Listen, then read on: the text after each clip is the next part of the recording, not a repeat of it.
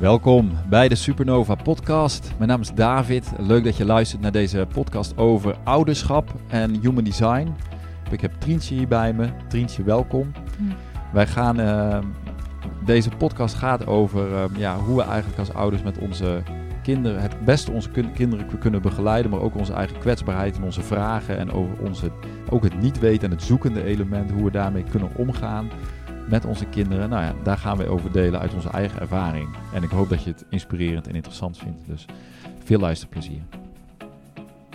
Maar even een korte update en misschien ook wel een kleine introductie eh, voor trouwe luisteraars, maar ook voor de nieuwe luisteraars. Nou, mijn naam is dus David. Ik zit hier samen met ehm Trientje. Mhm. Ehm, en wij eh, wonen op Bali. We zijn in 2018 ehm, eigenlijk eh, op een zoektocht, op een reis gegaan.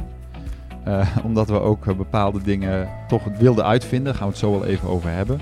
Dat had ook met onze kinderen te maken. En sommige van, van jullie die eh, naar ons luisteren, die, die kennen ons verhaal wel. Maar ik dacht, ja, misschien is het toch goed om even een kleine introductie te geven. Ook voor nieuwe luisteraars. Van wat is eigenlijk ons uitgangspunt met deze podcast, met het onderwerp wat we gaan bespreken. Ouderschap, human design komt erin naar voren. Ehm, ja, wat een tijd, tijdje geleden dat Nou, we samen een podcast hebben Ik gedaan. zei het tegen je, wanneer? Toen zaten we bij mijn moeder in de tuin, volgens mij. Ja, inderdaad, ja. Wij waren ook zoekend naar wat is onze volgende stap, wat gaan we doen. Nou ja, dat zoekende thema, dat komt wel in ons leven telkens terug. En, en ik denk van, jij zei, jij zei er net tegen mij, ja, dat zoeken, daar, daar heb ik gewoon niet zoveel mee. Ik zei, nou maakt mij niet uit. Nou, nou ik, heb er, ik heb er wel wat mee in de zin van dat ik dat zie in mijn leven. Ja. Maar ik heb er ook een beetje een oordeel over. Ah ja, je vindt Zo er iets van. eh, inderdaad, zoeken, hè? je wil uiteindelijk ook vinden. Ja, dat vind je iets voor kneuzen. Dus ik, ik vroeg jou gisteren ook van, en vind je dan ook? Hè? Want jij hebt ook in Human Design het kanaal van de zoeker. Ja. Hè? Dus dat zoeken zit ook in jou. ja, maar weet je, dat wil niet zeggen dat ik natuurlijk, zoals ik het zelf ervaar, ehm, is dat kanaal van de zoeker in, in mijn leven is meer een soort van het oog waarmee je door, over deze planeet gaat. Ik loop door dit leven en ik, ik Mm. zie dingen en dat leidt, dat, dat, dat zet mij ertoe aan om iets te onderzoeken, om iets te Ja. ontdekken. Snap je? Dus de dat is, nieuwsgierige dat is kijker. vanuit eigenlijk. nieuwsgierigheid gedreven. Ja, Ik wil gewoon meer weten ergens van. En dan Ja. vaak niet alleen maar door een boek erover te lezen, maar dan moet ik het ook ervaren. hm. Dus, eh, en ik denk dat dat zoeken. Kijk, ik denk dat ieder mens in het leven uiteindelijk met zichzelf door het leven moet. En dat iedereen ten diepste ehm, daarin zoeken, op de een of andere manier zoekende is. Want niemand heeft de antwoorden voor jou. ja. En dan kun je wel zeggen van, nou ja, ik eh, ga gewoon mee met wat iedereen doet, want dat, dat is dan veilig en vertrouwd. Maar ik denk dat er ergens een soort van punt in je le- ieders leven komt, correct me if I'm wrong, dat je dan ehm, voelt van, ja, ik heb hier gewoon meer inzicht in nodig, of ik moet hier meer van weten. En soms word je ook gedwongen om, om, om met jezelf, of op alle terreinen, zeg maar, echt, ja, echt een zoektocht te starten naar iets. Eigenlijk je eigen zoektocht. Ja, natuurlijk. Ja. Ja. Nou ja, dus vandaag gaan we het hebben over ouderschap. Hm. En een, zoek, een, grote zoektocht. een zoektocht die wij erg goed kennen. Onze oudste zoon is 15, onze middelste dochter is 13 en de jongste is bijna 10. Eh, wat, wat, waar gaan we heen met deze podcast, Trientje? Nou, wilde je nog een kleine introductie eh, geven voor mensen die nieuw zijn? Ja, nou ja, wat zal ik doen? Wij, wij hebben in, ehm, na een aantal jaren dat we onze kinderen in Nederland hebben, of in Nederland woonden met onze kinderen, hadden wij steeds meer het verlangen en het gevoel van ja, er, er moet meer zijn. Hè? Meer in de zin van wat we onze kinderen meegeven op school, als het even over ouderschap gaat. Ja, ik had persoonlijk ook een zoektocht in mijn carrière, eh, jij ook wel. Weet je, er waren zoveel elementen in ons leven waardoor we eigenlijk voelden van ja, wij moeten of wij willen een verandering eh, in gang zetten. En die werd wel een beetje gedreven door de kinderen. Dus nou, uiteindelijk zijn we na een heel ehm, na een proces waarin toch, ik denk 2018 vertrokken uit Nederland. Ik zat in een bedrijf bij mijn vader en ik voelde al langer dat dat niet mijn plek was. Ik wist wel van ja, dit is niet mijn toekomst. Dan kom ik eigenlijk niet in het leven wat, wat, waarvan ik voelde van daar, daar zit mijn talenten en mijn potentie. En ik was daarin ook enorm zoekend en ik zat ook enorm vast eigenlijk. Ik zat vast in, in mijn eigen leven waarin ik niet wist, en dan kwam dat zoeken natuurlijk weer naar voren, waarin ik niet wist hoe ik dan. Soms voel je dat er iets is waar je, wat er voor jou is. Een Weet je? potentie. Een die, eh, potentie. Je weet van er is iets in mij, dat komt er nog niet uit. Maar je weet niet precies hoe je dat. Weet je, dat dat, weet je dat dat ook een van de valkuilen is van generators? Hè? Ja. In human design. Dat, dat je gewoon uiteindelijk in een leven belandt waarin je gewoon je verplichtingen hebt en al je moeten. En Ja. uiteindelijk je echte potentie onbenut Ja, dat blijft. was mijn leven. En dat was Ja. eigenlijk jouw verhaal ook. Hè? Dat jij ergens voelde van ja, ik geef mijn energie volledig nu aan dit bedrijf. En de communicatie van allemaal bedrijven waar ik soms niet eens achter sta. En mijn eigen potentie en wat ik eigenlijk te ontdekken en te communiceren heb in het leven blijft eigenlijk gewoon onbenut. Ja, en daar bedoel ik eigenlijk je innerlijke potentie. Hè? Ja. Want het gaat niet zozeer over je kwaliteit als wat je soort van kan presteren, zeg maar beter worden in je carrière of je vak. Ja, Hè, dat is een potentie die je in de ma- gemiddelde maatschappij heel goed kan ontwikkelen. Hè, als jij een eh, hm. bepaald beroep hebt, dan kun je altijd wel cursussen volgen om beter te worden in dat beroep. Maar dat is iets heel anders dan je, je blauwdrukpotentie gaan leven waar we bijvoorbeeld met Human Design over praten. En wat Human Ja. Design ook heel mooi zichtbaar maakt, van er is een inherente ja, potentie in je. En die is eigenlijk ondergesneeuwd door conditioneringen, kan ook door traumatische ervaringen zijn, hè, door allerlei dingen in het leven. En ergens moeten we, wil je dat dus gaan ontdekken, dan moet je dus naar op zoek naar jezelf. Hm. En dat is wel mijn, mijn, een stuk van mijn levenstocht, zeg maar, geweest. En dat, dat kent allerlei laagjes, zo Ja, en eigenlijk was die reis daar ook een. Hè, ik bedoel, dat speelde daarvoor misschien ook al door de jaren heen. Maar het vertrek uit Nederland was natuurlijk ook wel echt een heel, hele grote stap om te zeggen: van ja, we gooien echt alles open. Ja. Om te kijken wat voor andere potentie er in ons zit, in onze kinderen. Hè? En dat was ook spannend. Nou ja, wij zijn, En- wij zijn in principe, wij hebben dus eh, alles achter ons gelaten. We zijn ook niet met heel veel geld vertrokken. Hm. We zijn wel gelijk gaan ondernemen, want we wisten wel van, nou ja, wij gaan wel iets doen wat ons gaat uitdagen. Ik denk dat we dat ergens wel aanvoelden. En daar heb ik ook voor gekozen, want Hmm. iets in mij had ook zoiets van, ja David, je moet soms even door het vuur of zo. Dat was ook een Hmm. soort gevoel waarvan ik wist van, ja, je kan nu niet te veel meer gaan leunen op oude zekerheden. Ja, dat was echt zo'n innerlijke, eh, eh, iets, iets wat mij vooruit dreef. Ja. Daar was ik ook wel een beetje bang voor. Ik denk, ja, waar, waar gaat dit heen? Wij hadden natuurlijk eigenlijk gewoon geen idee wat we aan het doen waren. Behalve dat we dus heel sterk voelden van we moeten dit leven afronden. En we moeten een, eh, iets nieuws in onszelf gaan ontdekken met onze kinderen. Eigenlijk een totaal nieuwe manier van leven. Maar inderdaad niet dat we een soort van heel plaatje voor ons zagen. Dus hè, Nee. als je het hebt over de zoektocht. Je krijgt niet altijd, en zeker als je vanuit je, vanuit je autoriteit, hè, waar we in Human Design veel over spreken, dat je echt vanuit je innerlijke kompas je keuzes gaat maken. Ja. Dat, is, dat zijn geen keuzes van, oh, de komende vijf jaar. Dat je een soort van download krijgt van zo gaat het eruit zien. En eh, we krijgen een Excel-sheet van wat dat allemaal gewoon gaat uitwerken en opleveren. Of hè, ik noem maar wat. Maar dat is dus echt stap voor stap vaak eh, je stappen zetten. Sta Oh ik ja. open om gewoon ehm, altijd nieuwe, nieuwe dingen te ontdekken. En, en ehm, hè, voor mij is dat het zoekende leven. Of, hè, we noemden net bijvoorbeeld even... ehm, hè, ik kon me daar enorm over verbazen ook... als ik met, met ouders te maken had die bijvoorbeeld eh, tegen iets aanliepen in hun kind, iets fysieks of gewoon ADHD, een gedragsprobleem. Maar dat ze eigenlijk daarin heel snel zochten naar een snelle oplossing. Hè? Of een oplossing die misschien gewoon, gewoon gelijk door de huisarts werd gegeven, pilletje.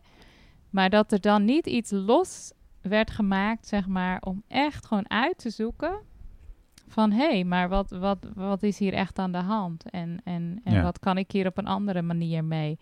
En voor mij is dat misschien de houding die op een gegeven moment in mij is gegroeid. Ook eigenlijk in mijn eigen ouderschap en door ervaringen, gewoon ook fysiek. En Joshua die had vrij jong best wel een aantal klachten, eczeem. Gewoon meer zeg maar van hé, hey, Wat, ja, wat ligt daaronder? dat zoekende van hé, hey, wat, wat heeft mijn kind nodig? En echt openstaan van wat is er allemaal. Dus voor mij, hè, dat is eigenlijk zoekend leven. Dat je eigenlijk gewoon inderdaad open staat om dat te onderzoeken, zodat je echt gewoon ook weer kan groeien en daaruit leert. Eigenlijk is alles wat in je leven gebeurt, is een uitnodiging. Ik denk dat ik het Hmm. zo ervaar. Bijvoorbeeld als je vastloopt op je werk, is een uitnodiging. Als je burn-out krijgt, is een uitnodiging.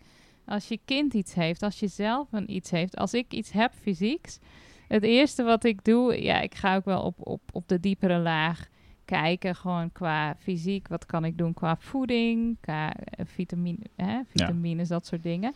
Maar ik ga ook altijd even opzoeken, dan kan je gewoon googlen, emotionele betekenis achter aandoeningen. Want ik weet ook, je krijgt niet zomaar iets. Hè? Waarom heb jij last van je longen terwijl je buurman die heeft een heel andere klacht? Er zitten emoties aan vast. Er zit altijd een verhaal achter waarom iets op een bepaald moment opspeelt en niet zeg maar hè, drie jaar daarvoor. Ja. Dus hè, voor mij heeft het daar veel meer mee te maken van, goh, hoe nieuwsgierig zijn we eigenlijk om dus eigenlijk echt te kijken en echt te groeien en echt eigenlijk te transformeren. Want eigenlijk zijn het allemaal uitnodigingen om te groeien en te transformeren. Ja, en ik denk, ja. hè, eigenlijk heeft, heeft misschien het leven in, in het Westen of hoe wij geleerd hebben te kijken, heeft ons eigenlijk geleerd om, om, om pleisters te plakken. Nou, het heeft ons eigenlijk niet geleerd om te kijken. Ik stond met Linde, mijn dochter Linde, die is erg eh, met een tekentalent eh, aan het ontwikkelen. En ik stond met haar in de boekwinkel. Of wij, ik weet niet of we met z'n allen er waren, maar we Mhm. zaten al in die boekwinkel. Ja, en ze zat wat boekjes te bladeren en ze wilde een paar boeken. En ja, ik denk, ja, ga ik eens kijken hè, naar een boek over tekenen. Maar ik zit te lezen en ik kijk dan eigenlijk van wat is voor haar interessant, wat verder gaat dan alleen maar leren tekenen, zodat er nog een educatief, zeg maar, eh, element in zit. Want zij wordt gehomeschooled en dan vind ik het belangrijk dat, in, dat zij bijvoorbeeld binnen het kader van tekenen, kan zij ook heel veel leren over geschiedenis, over cultuur, over, nou, noem het allemaal maar op, wat daarin verpakt zit. Via de ingang van kunst kun je natuurlijk Hm. heel veel leren over deze wereld en over jezelf. Dus ik zag een boek en dat heette ehm, Drawing on the Right Side of the Brain van een, een emeritus professor uit nou ja, een of andere universiteit, eh, ik geloof Stanford of zo. Wat zij eigenlijk zegt is wij leren niet kijken. Dat is eigenlijk de hele boodschap, heel de kern van Mm. dat hele boek is dat zij zegt de reden waarom heel veel volwassenen niet kunnen tekenen is omdat ze niet hebben geleerd hoe ze moeten kijken. Want wat er gebeurt, het is echt heel fascinerend. Ehm, we kijken naar een hoofd en dan zien we ogen, neus, mond. En ons hoofd maakt een bepaald beeld bij wat dat is. En dan tekenen we bijvoorbeeld een rondje voor een oog. Of een paar streepjes, dat is dan een mond. Maar dat is eigenlijk gebaseerd op een heel kinderlijke... kinderlijke dus ze noemt dat het kinderlijke symboolsysteem. Dus het is een kinderlijke weergave van de werkelijkheid. Maar als ik gewoon ga kijken naar jou, dan zie ik gewoon licht en schaduw. En, dan, en, en Linde zegt dat ook tegen mij. Ze zei, ja, ik teken gewoon wat ik zie. Voor haar is dat heel logisch. Voor mij was dat niet logisch. Hè, maar het realiseerde mij, ik ben natuurlijk op andere vlakken veel meer bezig met hoe kijken we. Dat ik dacht, ja, het gaat in feite over hoe goed kunnen we kijken. Zien we wat er, zeg maar, ergens nog meer zit. Dus met ouderschap of opvoeding, maar ook allerlei thema's in ons leven. Ik denk dat wij niet echt leren om dieper te kijken. Is dat niet een beetje, zeg maar, waar het hier ook mee te maken heeft? Mm. Dat als je bijvoorbeeld een kind hebt waar iets speelt. En we hebben allemaal kinderen. Bij ons speelt er altijd wel iets met een van de kinderen waar we Hm. aandacht aan moeten geven. Hè? Dat is gewoon een voortdurende ja, eb en vloed eigenlijk. En, en van hey, kunnen we ook dieper kijken naar wat er, wat er speelt in zo'n moment? Ja, ja hè, als je een aantal dingen eruit pikt. Hè, ik, ik had het net over dan, dan emotionele, fysieke dingen. Maar emoties is ook zoiets van kunnen we daar echt naar kijken? Hè, als een kind ergens emotioneel doorheen gaat, Ja. is daar echt ruimte voor? En voelt een kind van, oh ja, dit, dit mag er gewoon zijn. En ehm, Nou, we leven natuurlijk in een wereld waarin er heel veel, of in een samenleving waarin heel veel gehaast is. Hè? er wordt aan heel veel voorbij gegaan. Ja, wij, wij gaan eigenlijk aan de echte, de, de, de wezenlijk belangrijke dingen, die, die zijn er altijd, maar Hmm. heel vaak zien we ze niet, omdat we ergens weet ons systeem dan van, oké, als ik daar aandacht aan ga geven, dan gaat dat misschien wel heel veel tijd kosten. Of dat gaat mij, hè, alsof we daar eigenlijk met een boogje omheen lopen, Hm. lijkt het wel. Ja. Ja, en ik denk dat je ook in een gehaast leven natuurlijk ook heel erg leert van ja, daar is ook even geen ruimte voor. Nee. Ik weet nog wel ehm, Nou ja, jij weet dat, hè, of als je je kind naar school bracht en eigenlijk kwam er net zeg maar emotievrij of hè, dan terwijl ze moeten eigenlijk al naar binnen en de bel gaat al, hè? Dus dat je dan eigenlijk al leert of zelf ook misschien op je werk, ja, dat je gewoon leert dingen, dingen gewoon te ja. parkeren. ja, te parkeren. Hè? Ja. En eh, wij hadden ook laatst een situatie. Nou, toen stond de taxi al voor. En toen zouden we eigenlijk hè, op pad met jouw ouders, die waren hier. En toen kwam er bij onze dochter eigenlijk heel veel emotie vrij over iets wat daar een, ja, een link mee had. Dus op dat moment werd dat getriggerd. En eh, dat was natuurlijk niet, niet heel handig, want we zouden op pad en iedereen zit te wachten. Ja, maar, en, eh, maar als je dan echt kijkt, dan zie je gewoon een meisje wat gewoon, ja, gewoon echt daar ruimte voor nodig heeft. Die echt even heel verdrietig was gewoon over iets. En toen heb jij daar de tijd voor genomen. ja, ik dacht van nu, nu is een mo- momentum. Hè? Soms heb je een soort van eh, window of opportunity, noem ik dat. En dan gebeurt er iets en denk je, ja, dit is een ingang. Hm. Dus ja, nou, dan moet het maar even. Dan, dan moet het programma maar even wachten. En ik denk dat we zeker in onze, onze Nederlandse samenleving dat eigenlijk hè, het programma moet eigenlijk altijd voorrang krijgen. Oh, Ja. we moeten ergens zijn. Je moet naar school. Moet daar, moet daarheen, daarheen. Iedereen is maar druk. Ja, dan die, denk je, die ja, hoe- tranen weg, eh, wegvegen. Geen tijd voor. Geen tijd voor, Ja. voor echte processen van wat er echt is. En dan denk ik, ja, maar dan, dan, dan dus dat is met, jammer. Hè, ook met het gedrag van, nou, dan geef me een pilletje. Ja, Hè, of, of gewoon, ja, de, de snelle oplossingen. Omdat er natuurlijk ook eh, niet zoveel tijd is, zeg maar, voor echt te kijken. Ja, dus misschien heeft zoekend ouderschap, hè, dat heeft misschien veel meer te maken met zoekend gewoon dat je echt omarmt van, hé, hey, ik ga echt kijken. En ik ga, sta, ga openstaan voor groei en ontwikkeling op de punten waarbij ik zie van, hé, hey, hier, hier speelt iets. Ja. Hè, dus ook in je eigen lijf. Ik, ik vind dat, ik heb dat hier ook al vaker gezegd. Ik vind het echt gewoon ook zo heftig om te beseffen dat, dat heel veel mensen burn-out gaan en alle signalen hebben gemist in hun lijf die daar eigenlijk al aan vooraf zijn gegaan. Wat echt altijd tig signalen al zijn. Gewoon van in hoeverre voelen we en kijken we en hè, ook bij onze kinderen. ja. Nou, ik denk dat, dat we als ouders heel gemakkelijk ons onzeker kunnen voelen.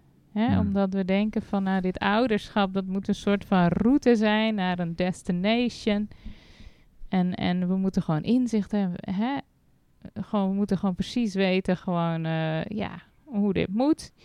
Ik weet nog wel dat ik, ik ook echt boeken las, zeg maar, vooral toen ik zwanger was in de eerste jaren. Ja, dat ik echt zo'n gevoel had van, ah, alles onder controle. Bijna. ja.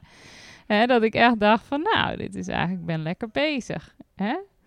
En eh, dat het eigenlijk met de jaren eigenlijk, Ja. Afbrokkelde. dat dat een beetje afbrokkelde. En dat oh ik, shit, ja, dat ik veel, dit ja, loopt uit de hand. ja, of dat ik veel meer vragen had. Oh, maar hoe werkt dit dan eigenlijk? En ja, dat ik soms eigenlijk steeds meer ontdekte, misschien wel op meerdere vlakken in mijn leven, van er is eigenlijk heel veel wat ik ook niet weet. Vond je dat heel frustrerend om te ontdekken dan? Eh, nou, dat voelde wel van. eh, ja, soms voelde dat wel. Dat maakte me ook ergens wel onzeker. Van Oh, eh, ja. ja. maar ik, eh, ik moet dit schip toch wel een beetje de goede kant op sturen. Dat gevoel. Oh, ja. En eh, Denk je dat vrouwen dat meer hebben dan mannen? mm, ja, ik, ik, ik, ik denk wel dat dit, wel, dit bij vrouwen ook wel meer leeft. Dat je het gevoel hebt van ja, ik moet toch. ja, gewoon de, de manier vinden, gewoon hoe ik met ze om kan gaan. Mhm. En ehm, Ja, precies, ja. de in, het inzicht gewoon in je kinderen. Nou ja, ik, ik merkte wel aan mezelf van dat dat ergens allemaal steeds vager werd of zo. Dat ik. ehm, ja, dat het niet meer zo simpel was als toen ze klein waren en de slaapjes en Nou. de, hè, als alle emoties erbij komen kijken, interacties met de buitenwereld. Nou ja, daarin heeft, vond ik dus human design gewoon wel echt een cadeau. Gewoon alleen al om te zien bijvoorbeeld hoe je kind, eh, waar je gevoeligheden zitten van je kind. Gewoon in de interactie met de buitenwereld. ja. Hè? Of ik denk dat astrologie trouwens daarin ook een enorm cadeau is. Hè? Want wij bijvoorbeeld, een van onze kinderen is heel, heel open ook in, in het design en heel gevoelig voor de buitenwereld. Ook in gewoon zich aanpassen aan gewoon wat er om haar heen gebeurt. En dan te bedenken van oké, wacht, dit is niet dat ik als moeder constant tekort schiet om haar hè, gewoon uh, stevige identiteit uh, de wereld in te sturen. Nee, zij is gewoon een beetje een chameleon. En het zit ook in haar. Hè? Alleen moet zij leren dat zij daar niet haar eigen beslissingen uitneemt. Of dat zij zich niet laat meevoeren. Zij kan gewoon ergens zitten en gewoon helemaal iets aanvoelen. Hè? Maar het is ook heel goed dat zij weer leert van... oké, ik ga daar dan dus even helemaal in op. Maar ik moet me dan ook weer echt terugtrekken... om even weer gaan tot mezelf te komen. Ja, precies. Hè? En ja, dan kan je dus heel gemakkelijk als, als moeder, als ouders denken van... oh, heb ik dan iets verkeerd gedaan? Hè? Want je ziet dan iets. Ik heb ook heel veel gesprekken met ouders en... en ja, dat komt heel vaak terug. Oh ja. Dat ze dan bepaalde zwaktes zien in hun kind. Die vaak dingen, bijvoorbeeld in human design, waar ze zelf gedefinieerd zijn en heel sterk in hun eigenheid. En dat kind is daar dan bijvoorbeeld open. En in human design betekent dat waar je open bent, daar ga je eigenlijk naar school. Daar heb je niet een soort van eigen één, één manier van zijn of Hè, daar sta je open eigenlijk voor de buitenwereld. Dus daar komt, komen gewoon altijd prikkels binnen en ervaringen. Dus daar kun je ontzettend wijs worden als je daar dus niet mee identificeert en laat meeslepen gewoon ja. in je keuzes gewoon door eigenlijk die openheid en die, hè, alles wat daar binnenkomt. En ja, dan zie je toch dat je als ouders vanuit wie jij bent gewoon kijkt en dan denkt van nou, hallo, wees eens een beetje sterker. Of wees eens een beetje, gewoon, uh, hebben ze wat meer wilskracht. Nou, dat doen ouders, En, ouders en er zijn gewoon veel. kinderen die hebben gewoon van zichzelf weinig wilskracht. En dat is ook gewoon, dat klopt dan gewoon in hun design. Dat zijn gewoon mensen die moeten juist heel erg meeflowen en kijken van, nou weet je, ik hoef niks te bewijzen. Ik mag gewoon mezelf zijn en ik moet gewoon heel goed aanvoelen ja, wat voor mij klopt. En niet te veel beloftes maken. Dat zijn niet de mensen die gewoon vooraan staan en overal voor gaan. En hun, hun, hun energie ergens achter zetten. En boom, let's make it happen. Dus we zijn daarin allemaal zo anders. En voor mij heeft dat wel echt zoveel puzzelstukjes op zijn plek gelegd. Gewoon om, om de kinderen te begrijpen. Ja. Hè? En niet het gevoel te hebben van, oh my god, ik heb hier totaal geen overzicht meer. het gaat niet zozeer om controle, want ik merk ook, zelfs al heb je dus meer inzicht. Ja, ik bedoel, uiteindelijk moet je in ouderschap toch controle loslaten. Want het gaat toch ook altijd weer anders dan... Uh, dan, hè, dan, dan dat je denkt. Plus ik denk dat er echt enorm veel wijsheid of waarde zit in dat je kind ook zelf leert voelen. Hè? Dus dat is misschien wel een van de belangrijkste dingen die we zijn gaan zien. Eigenlijk gaat het erom dat je die kinderen nu al leert voelen, hmm. hun eigen kompas leert hmm. voelen.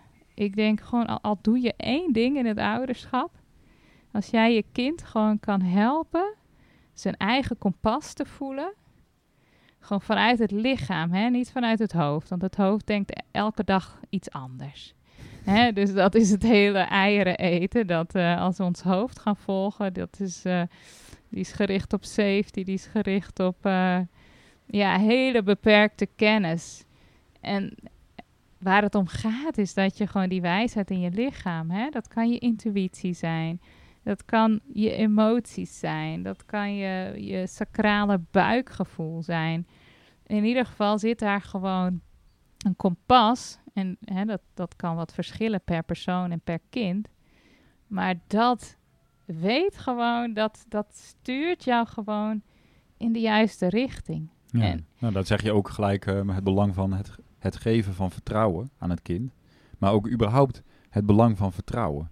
Ja, in je leven, in, in wat je voelt eigenlijk, hè? Ja, ja, ik heb zelf uh, gewoon, ik ben dan een emotionele autoriteit in human design, maar ik heb echt gewoon uh, de helft van mijn leven bijna niks meer kunnen voelen. Hè? Ja. Afgesloten. afgesloten van mijn gevoel. Ehm, nou, dus ik kon eigenlijk ook niet bij die Nee. autoriteit en die wijsheid gewoon dat mijn gevoelsleven mij de weg leidt. En Ja. dat ik gewoon ja, op een diep niveau kan voelen of iets klopt of niet. Ja, mooi. Hè? En ik moest dat juist helemaal weer openbreken om daarbij te kunnen. Ja. Maar ik denk gewoon als ouders, ehm, ja, het heeft, heeft ons, zeg maar, hè, als je het hebt over de zoektocht van het ouderschap, hè, is human design en de blauwdruk van onze kinderen wel echt een heel waardevol kompas. Ja. En, ehm, en hè, zoeken blijven altijd op meerdere vlakken. Hè? Zelfs hè, elke keer gewoon onderdelen daarvan herkennen en hoe je daar dan mee omgaat in de praktijk. Dat blijft ook een, Ja, een leerproces. Wat, wat, wat zie jij in jouw praktijk? Want jij spreekt best wel met heel veel moeders, vooral moeders denk ik, over ouderschap en kinderen. Waar, waar, waar is. Wij weten vaak niet van andere ouders of andere gezinnen wat er speelt. Maar waar zitten mensen het meest mee als het gaat over hun kinderen? Nou, als ik kijk, moeders vinden het vaak moeilijk om ehm, controle los te laten. ik denk dat dat wel echt een groot thema is Wat, maar wat, kun je daar specifiek zijn over wat voor soort controle hebben we dan over? Nou, gewoon het kind moet huiswerk maken. En als moeder, zeker als je als moeder bijvoorbeeld een open wortelcentrum hebt, dan wil je alles zo snel mogelijk gedaan hebben. Want dan ben je van de druk af. Dus dat is vaak een enorme conditionering zit daarop. Dat, dat zijn moeders die gewoon eh, altijd bezig zijn met lijstjes afwerken en dingen afronden. Nou, die krijgen dan een kind en die gaat voor het eerst naar de middelbare school en die moet dan zelf huiswerk maken en die heeft deadlines. Nou, dat zijn moeders die ook zeggen tegen dat kind van nee, nee, dat moet je eerst doen, want anders dan, dan ben je er maar vanaf. Hè, maar dan heb je misschien een kind wat gewoon daar niet gevoelig voor is, hè, die daar bijvoorbeeld gedefinieerd is en die juist heel erg moet voelen van hé, hey, wanneer, wanneer heb ik daar energie voor? en hè, dus en vertrouwen, wanneer- want- vertrouwen dat het kind dat wel gaat doen. Ja, precies. En dat je dat kind dus ook leert dat het zijn lichaam kan vertrouwen. Ja. Van hé, hey, joh, zeker bijvoorbeeld een kind die wel een gedefinieerd wortelcentrum heeft. Dat klinkt misschien wat technisch voor sommige mensen. Maar dit zijn kinderen die eigenlijk van nature aan kunnen voelen. Wanneer ga ik op het gaspedaal en wanneer ga ik op, het, op de rem? Nou, ik heb zo'n gedefinieerd wortelcentrum en ik heb heel mijn leven met deadlines gewerkt. Ja, En ik had het altijd op tijd. maar dan Uiteindelijk, ben je productief. uiteindelijk hè? ja, dan ben ik productief, want er moet een deadline zijn of er moet iets gedaan worden en dan gaat het motortje aan. Maar ik moet wel zeggen dat ik die deadlines eh, achteraf gezien, ik heb heel veel deadlines gewerkt, achteraf gezien vind ik het niet fijn. Ja, maar het zegt niet, dit zegt natuurlijk niet dat je wacht tot het laatste moment, hè? Misschien Nee. dat jij, hè, dit gaat er meer om dat dat kind kan voelen van, hé, hey, misschien heb ik nu even zin om te relaxen. Ja, het heb kind ik weet wanneer het het af kan hebben. Ja, hè, want je kan dus ook in, in een human design profiel van een kind kan je zien hoe verteren ze informatie het beste. Dus hoe kunnen ze het beste leren en dus hun huiswerk maken. Nou, dat is afhankelijk van soms bij kinderen van eh, gewoon hoe of het roem- rumoerig is of juist stil. Hè, of sommige kinderen die kunnen s'avonds gewoon beter Ja. zich concentreren. Hè, dat zijn kinderen die misschien liever s'avonds hun huiswerk doen. Terwijl jij als moeder denkt van nou, dan heb je toch geen, geen puff meer. Maar zijn we, kijk, want, want wat, wat, wat ik dan interessant vind, is dat je zegt van oké, moeders en vaders denk ik ook vinden het moeilijk om controle los te laten. Maar daaronder zit natuurlijk toch altijd een angst. Hè, dus ik denk dat we alle ouders, dat er in alle ouders wel ergens een angst zit over, red mijn kind het wel in de wereld? Ik ben die Ja. namelijk, ik ben die angst ook in mezelf tegengekomen. Ik weet dat ik een collectieve, hè, dat gaat niet, dat, ik, ik ken dat, maar dat geldt natuurlijk voor heel veel ouders die ergens wel voelen van, hoe komt het wel goed met mijn kind? En zeker Ja, als het even dat, minder hè, is. Als je dat opbreekt in kleine stukjes, dan redt mijn kind het wel op school. Precies, ja, redt mijn kind het wel Ja. op de sport. Redt mijn kind het wel in vriendschappen. Ja. En ehm, ik denk wel, dat komt ook uit onzekerheid, omdat je, ja, omdat we soms ook niet goed weten hoe ons kind eigenlijk bedraad is. Ja. Gewired, hè? Ja. En ehm, ik denk hoe meer je inzicht krijgt in hoe je kind gewired is en je kan daarmee werken.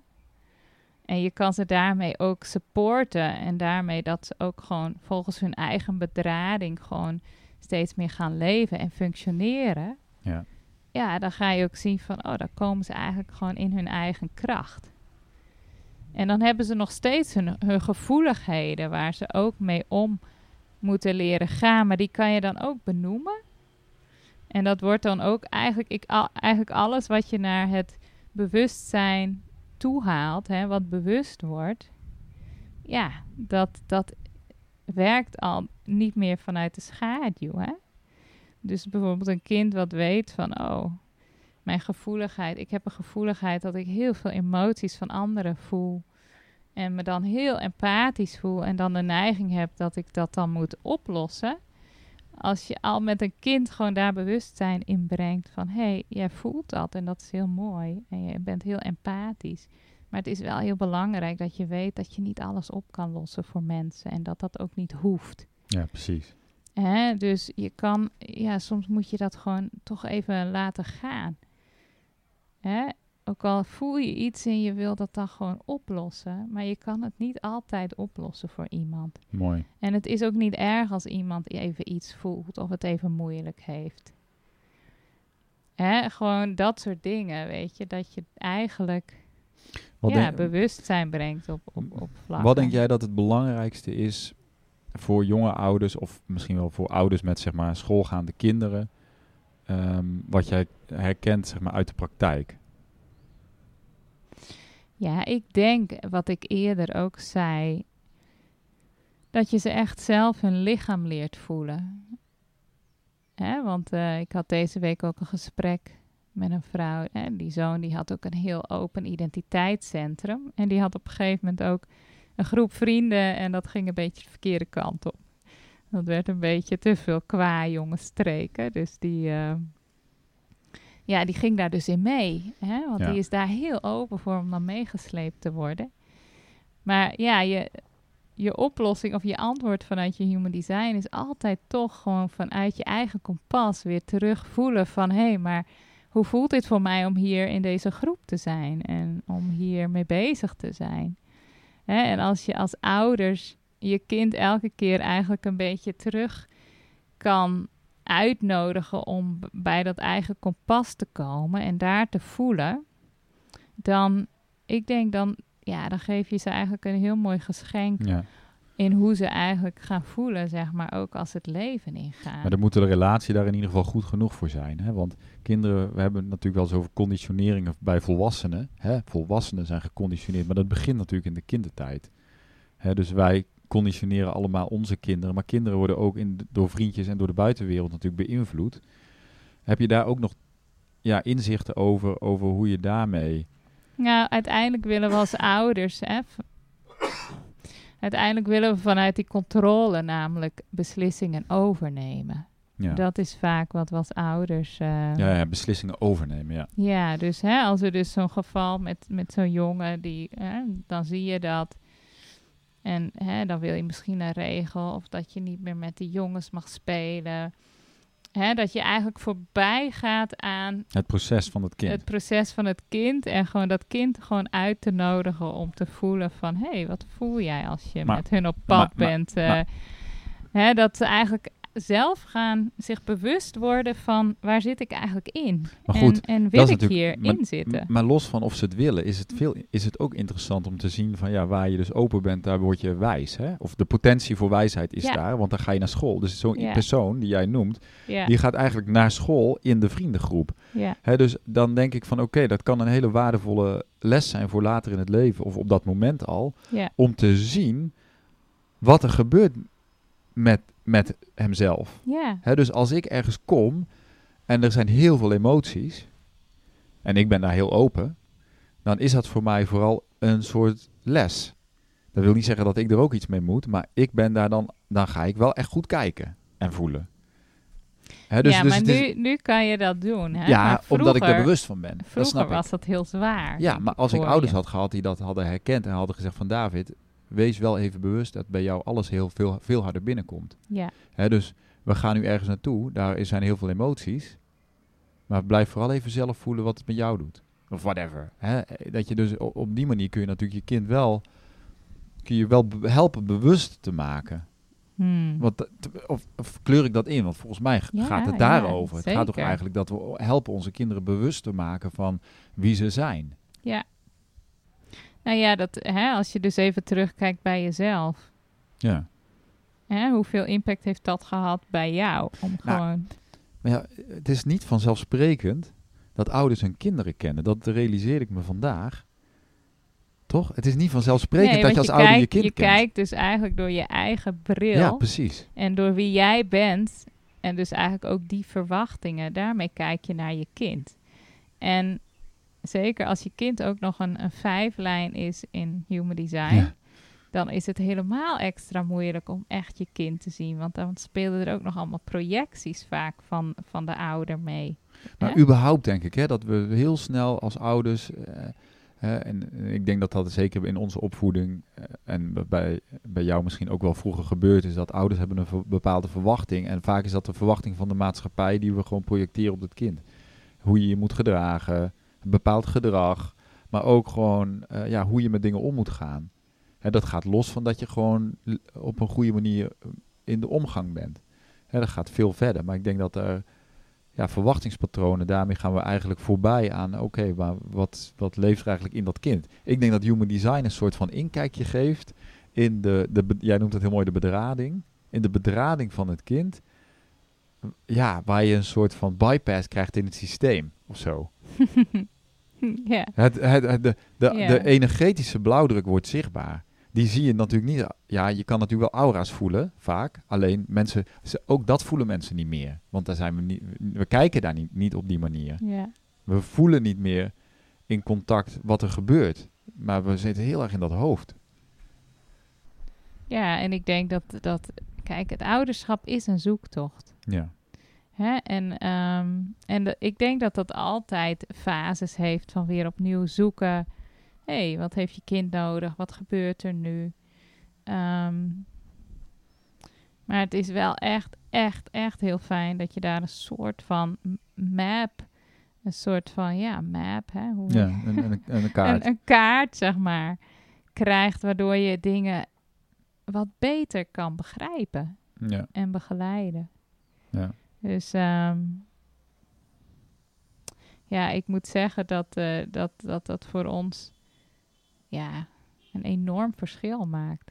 Dus het is voor mij veel meer van eh, hoe, hoe, hoe help je ze naar volwassenheid in contact met zichzelf. Ja. Voor mij heeft alles te maken met eh, hoe is hun inzicht in zichzelf. Ja. En, en zeker zeg maar, deze wereld wordt steeds gekker.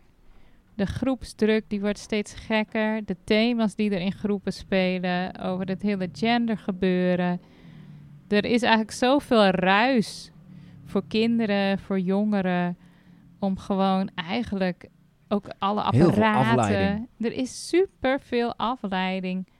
Waardoor ze eigenlijk helemaal meegenomen kunnen worden. Gewoon door de wereld om hun heen. En daarom is voor mij denk ik gewoon elke keer maar weer gewoon die bewustwording bij zichzelf brengen. Wat zij voelen. En eh, hè, wat er in hun lichaam gebeurt. Ja, precies. bijvoorbeeld deze week, hè, ik was even een nachtje weg met onze dochter. We hadden dan iets geboekt. Zij is ook eh, ja, gevoelig voor omgeving. Nou, wij komen dus bij dat plekje wat we geboekt hebben. Dat was een soort houten huisje. Zag er natuurlijk tien keer mooier uit op de plaatjes dan in het echt. En zij was acuut chagrijnig toen we daar binnen waren. Want ze voelde zich daar totaal niet fijn. En het was trouwens ook heel donker. Ja, ja. En zij heeft ook direct light. Haar verteringssysteem heeft licht nodig. Dus ook gewoon voor haar om te leven. Nou, er za- zaten bijna geen raampjes in. Dus haar lichaam, ze was ook... Hè, zij, zij, zij voelt dat gewoon. Ze was gewoon gelijk chagrijnig. En ja, we gingen dat eigenlijk meer gewoon observeren. Dus in plaats van iets in mij kan dan ook denken van... Nou, get over it. Maar meer benoemen van... Oh, ja, grappig. Je voelt je niet zo fijn, hè? Nee, ik merk het aan. Je bent gelijk chagrijnig. Ja, nou, toen kon zij dat ook dus voelen. En, eh, en toen zei ze, ja, eigenlijk, ik vind het wel oké als we hier gewoon moeten slapen, maar eigenlijk wil ik hier voor de rest niet zijn. Kunnen we ook ergens gewoon gaan zitten? Nou, ik zei, helemaal prima, wij hoeven hier ook helemaal niet te zitten. Dus wij gingen op pad en we waren in een heel druk gebied, wat eigenlijk ook niet helemaal, in, het voelde heel intens. Dus, nou ja, goed. Om dat gewoon te observeren, dat, dat hè, op een gegeven moment zei ik van, nou, we voelden ons eigenlijk allebei een beetje uit ons doen. Gewoon al die prikkels en er waren allemaal gewoon... Ja, Rare mensen. Rare mensen. Zij ziet dat ook allemaal van... eh, allemaal van die gebotoxte... Rare mensen. Er zijn heel veel, ra- verbouwde- er zijn er zijn hier... heel veel rare mensen op Bali. Dat is echt waar. Gelukkig ook geval- heel veel leuke mensen, maar ook rare. Maar in deze stad, daar is denk ik één op de, één op de twee vrouwen, zeg maar, die heeft zichzelf verbouwd, zeg maar, tot een soort eh pin-up Barbie eh, look. En ze lijken ook allemaal op elkaar. Echt verschrikkelijk. Hè? Maar goed, nou ja, dus wij voelden ons daar niet helemaal, zeg maar, senang heet toch? Maar goed, we gingen dus, ik zei vervolgens van, oké, ja, dus ze, hè, ze voelt dat dan in haar lichaam. Ik voel het ook. Op een gegeven moment zei ik, ja, het is net alsof ik me niet helemaal mezelf voel. Hè, wij zijn ook open G's. Ja, ja, dat is het eigenlijk. Ik voel me niet helemaal mezelf. Nou, ehm, wat hebben we nu nodig? Wat zouden we kunnen doen? Nou, ik zei, we gaan jouw buik volgen. Ga maar voelen wat voor jou hè, kloppend voelt. En dan, ja, dan maken we er eigenlijk een soort van spel van. Hè? En dan Leuk. wordt ze zich bewust van zichzelf. Dus Oh, wij ja. gingen op de scooter. Ik zei, wil je ergens eten? Ik zei, eh, zeg maar stop als je voelt van ja, dit voelt goed. Nou, toen kwamen we uiteindelijk gewoon bij, bij Bali Buddha. Dat is ook een restaurantje dat zit in elke plek in, in Bali. Dus daar hebben we wel, ja, dat, daar heb je iets mee. Dus dat Ja, heeft toch een soort Bekend. huiselijk Bekend, bekend, ja. gevoel. Ze zei ja, en die soep, er is één soep die ze daar heel lekker vindt. Ja, ik wil hier wel die soep eten. Dus wij hebben daar gewoon vanuit die drukte gingen wij daar naar binnen, waar altijd zo'n lekker muziekje aanstaat en de kaarsjes. Toen hebben we daar de soep gegeten en toen kwamen we echt even bij. Ja, precies. Maar het is wel mooi wat je vertelt in de zin van hoe dat werkt. Hoe je dus, ik dacht, eh, wat ik, ik hoorde toen jij dat vertelde van, oh ja, het gaat over dat je echt met jezelf door dit leven gaat. Dat haal ik eruit. In plaats van dat je geleefd wordt, Ja, ik had veel een- meer terug een- naar jezelf. Hoe, wat voel ik hier eigenlijk bij? Wil ik hier wel zijn? Ja, Of dat nu met vriendschappen, werk. Hè? En ik denk dat we veel, veel te snel, eh, en dat is natuurlijk ook een beetje hoe onze maatschappij is. Hè? Je moet mee in iets en je hebt eigenlijk een soort van, bij, als, je denkt dat je geen keuze hebt. Hmm. Hè, de illusie van je hebt niks te kiezen. ja, er is altijd een keuze. Ja. Dus ook als je kinderen vastlopen op school. Er zijn altijd dingen die je, die je kan doen, gesprekken die je kunt voeren. Hè? Dus het gaat, ja, misschien is het meer ook voelend leven. Zoekend Ook, leven ja, is voelend. misschien ook voelend Ja, leven. ja, zeker. Maar ja, eh, bewust, zo'n- bewust zo'n worden. situatie, ik denk dat ik misschien twee jaar geleden, dan had ik misschien vooral gebaald. Nou, dan ben ik een keer weg met haar en dan hebben we zo'n kuthuisje. Wat? eh, en ook nog voor zo'n prijs dat je denkt van... eh, hè, dan had ik, had ik volgens Was je- mij... Was ik veel meer in mijn eigen frustratie gegaan en een soort teleurstelling. Hè, en nu is ze ook nog chagrijnig, moet gezellig zijn. Ja, de druk dat het gezellig moet zijn. Daar hebben wij wel vaker gesprekken over. het gaat Ja, over en gezin. ik merk wel hoe meer, zeg maar, ik ook Ja. gewoon omarm van het, ja, wat er gewoon is. ja. En, en, en dan gewoon eigenlijk observeren, kijken weer. Dan haal je ook ergens dan, ja, de lading ervan af of zo. ja, mooi. Dus toen hebben we uiteindelijk, we hebben uiteindelijk ook heel hard gelachen om dat heel, die hele plek en om al die, men- die daar. vrouwen met lippen die bijna tot aan hun neus komen. Was het zo erg? Gewoon echt van waarom doen mensen Erg. dat? Hè? En dan hadden we daar weer een gesprek over. Van hey.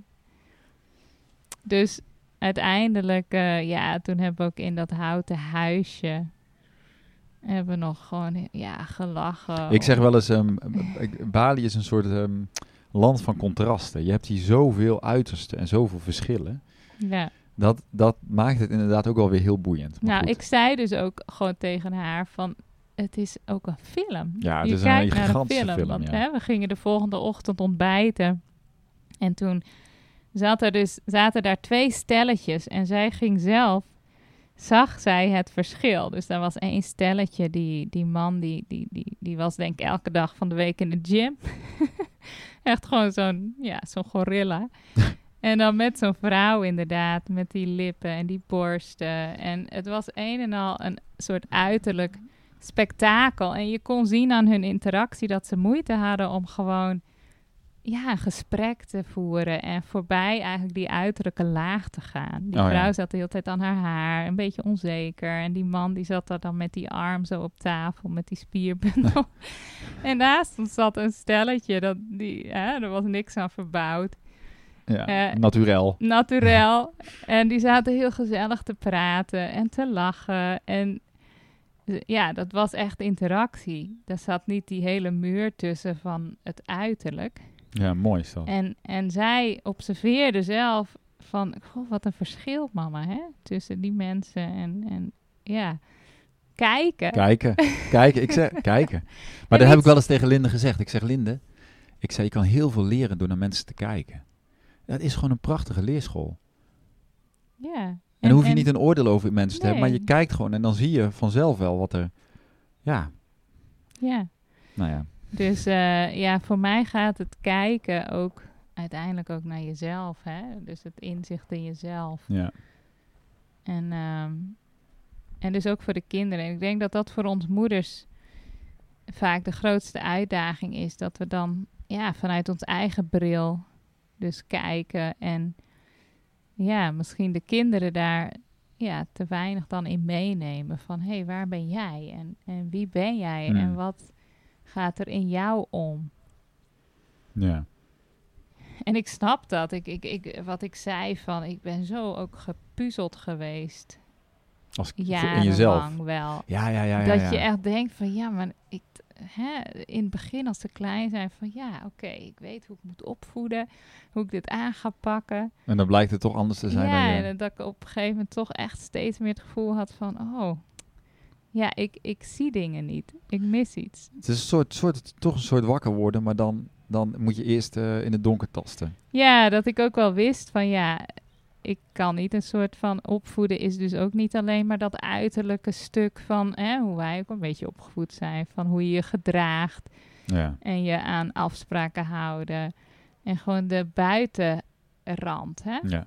Eigenlijk wat je ook ziet met Nou zo'n ja. stelletje, dat de hele buitenkant is volledig verzorgd hè, op hun manier, maar ze komen daar dan ook moeilijk doorheen Ja. naar de volgende laag, dat ik ook wel voelde van ja, opvoeden is niet eh, rust, reinheid, regelmaat en dan zijn we er. Nee, natuurlijk Hè? niet. Dus daarnaast ligt een hele wereld van het kind. En hoe ga je daarmee om? En ook dat ze ook nog allemaal zo verschillend zijn. Hè? Want wij Ja. hebben drie hele verschillende kinderen. Nou ja, alle, ik denk dat al- alle kinderen in één gezin zijn verschillend. Ja. Je kan niet, kan niet missen. Dus ja, wat voor de een werkt, werkt voor de ander ook niet. Nee. Hè? Dus Ja, mooi. Of tenminste, mooi, mooi, mooi om dat bewustzijn te laten groeien. En te gaan kijken naar, ja, ieder individueel kind. Wat ik vind mooi wat je zegt. Ieder kind heeft ook zijn eigen wereld.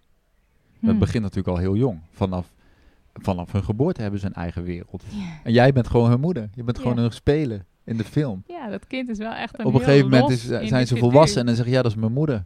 Ja, mijn moeder, ja, mijn vader. En dan hebben ze een verhaal over je vader. Hè, dus Ja. ja, ja, dus ik denk dat dat ook begint bij echt nieuwsgierigheid naar, hé, hey, wie, wie is mijn kind, hè?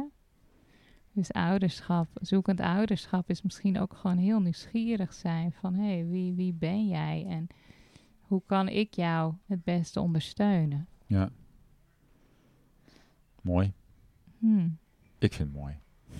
Ja, ik hou van zoeken, as you know. Ja, en, en ik ben ook wel gestopt met, met veel ouderschapsboeken, omdat dat te veel voor mijn gevoel dan...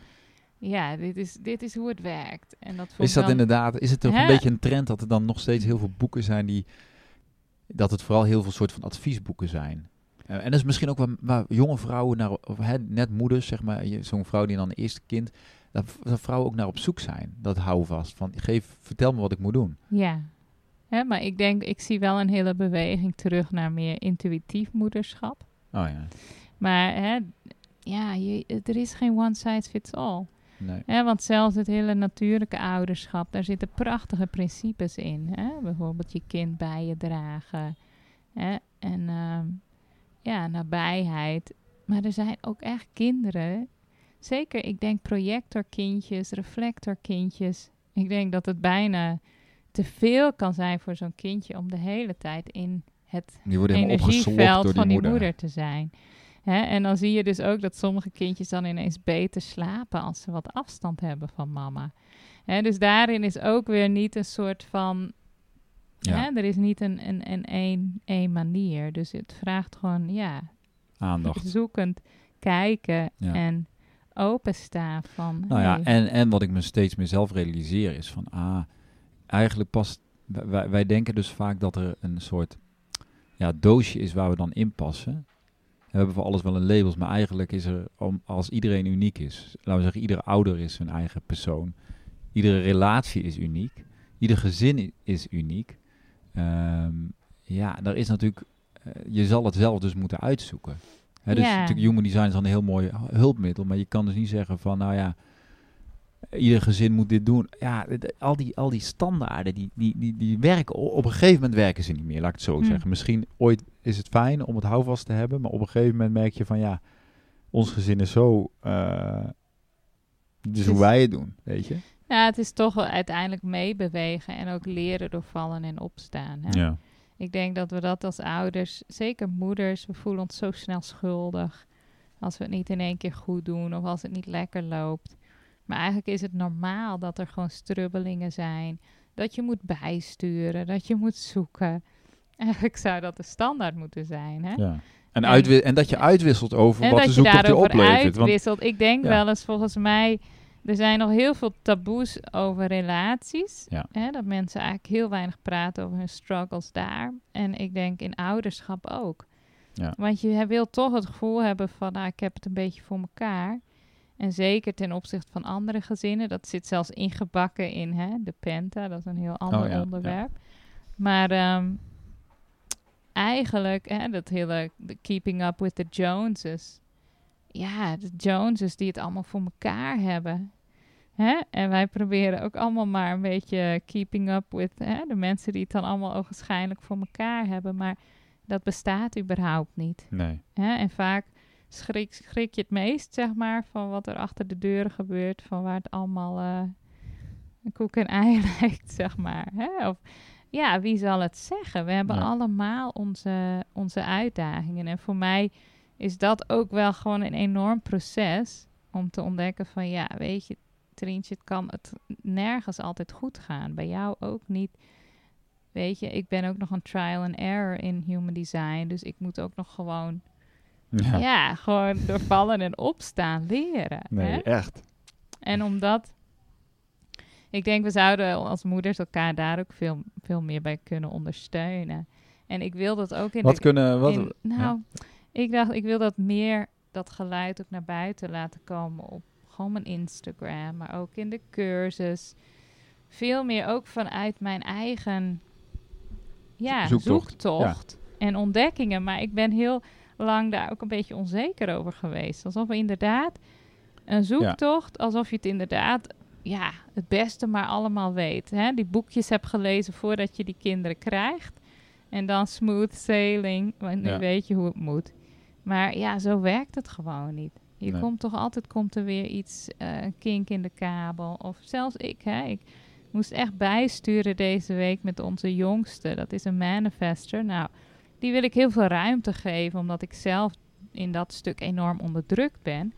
Maar eigenlijk was het een beetje uit de klauwen gelopen. En hè, moest ik toch eigenlijk wel meer begrenzen dan ik heb gedaan. Omdat ik zag karaktertrekken dat ik dacht, ja, nee, dit is ook gewoon niet voor haar in Nee. haar voordeel. nee. En ook niet voor de mensen om haar heen. Nou, dat ging er wel even vurig aan toe. En ja, dan moet ik ook echt eh, even gewoon mezelf... ja, gewoon ja, aansporen ja. van oké, nee, hè? Je Heb mag jij- bijsturen. Dit is helemaal oké. Volg Ja. maar gewoon ja, dat gevoel. En uiteindelijk, ja, dan merk ik ook alweer dat, dat we dan in een ander vaarwater ko- komen wat beter klopt. Hè? Maar gewoon, ja, het bijsturen en gewoon het leren. Gewoon dat, dat ja, hoort gewoon denk ik bij ouderschap. Ja. En ik denk, als we denken dat het allemaal goed moet, dan sluiten we vaak ook, ook af voor onszelf gewoon de, ja, de mogelijkheid tot leren. Hè? ja, zeker. Want dan, dan open je jezelf eigenlijk ook niet meer voor de oplossingen en voor het proces. Nou, het is, het is, ik vind het wel mooi dat jij dat zegt over ehm, nou ja, dat vallen en opstaan. Maar ook dat je als ouders of moeders, ja, ik denk dat het toch weer toch iets meer bij de moeders ligt. Dat uitwisselen over, de, over kinderen en over je worstelingen. Ja, ik denk dat ik geloof wel dat daar heel veel, daar zit natuurlijk al heel veel in. Dat je gewoon herkent van, oh ja, ik ben niet de enige die hier tegenaan loopt. Of mijn kind heeft dat ook.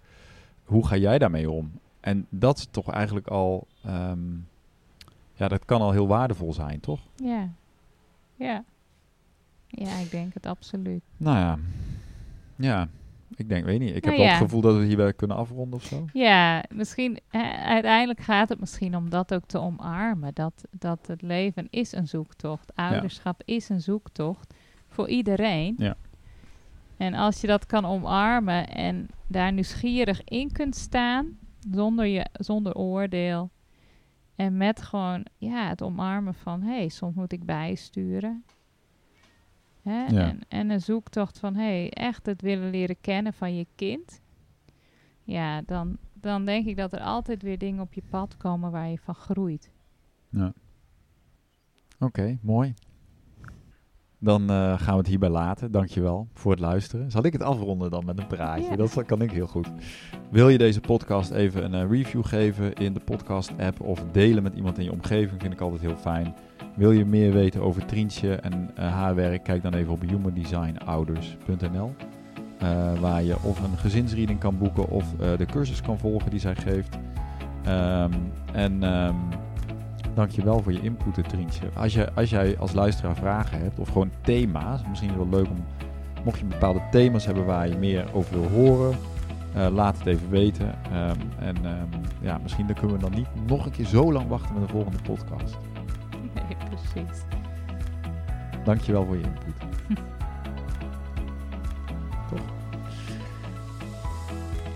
Je v- viel een beetje in slaap. Nou, ik zat gewoon te luisteren.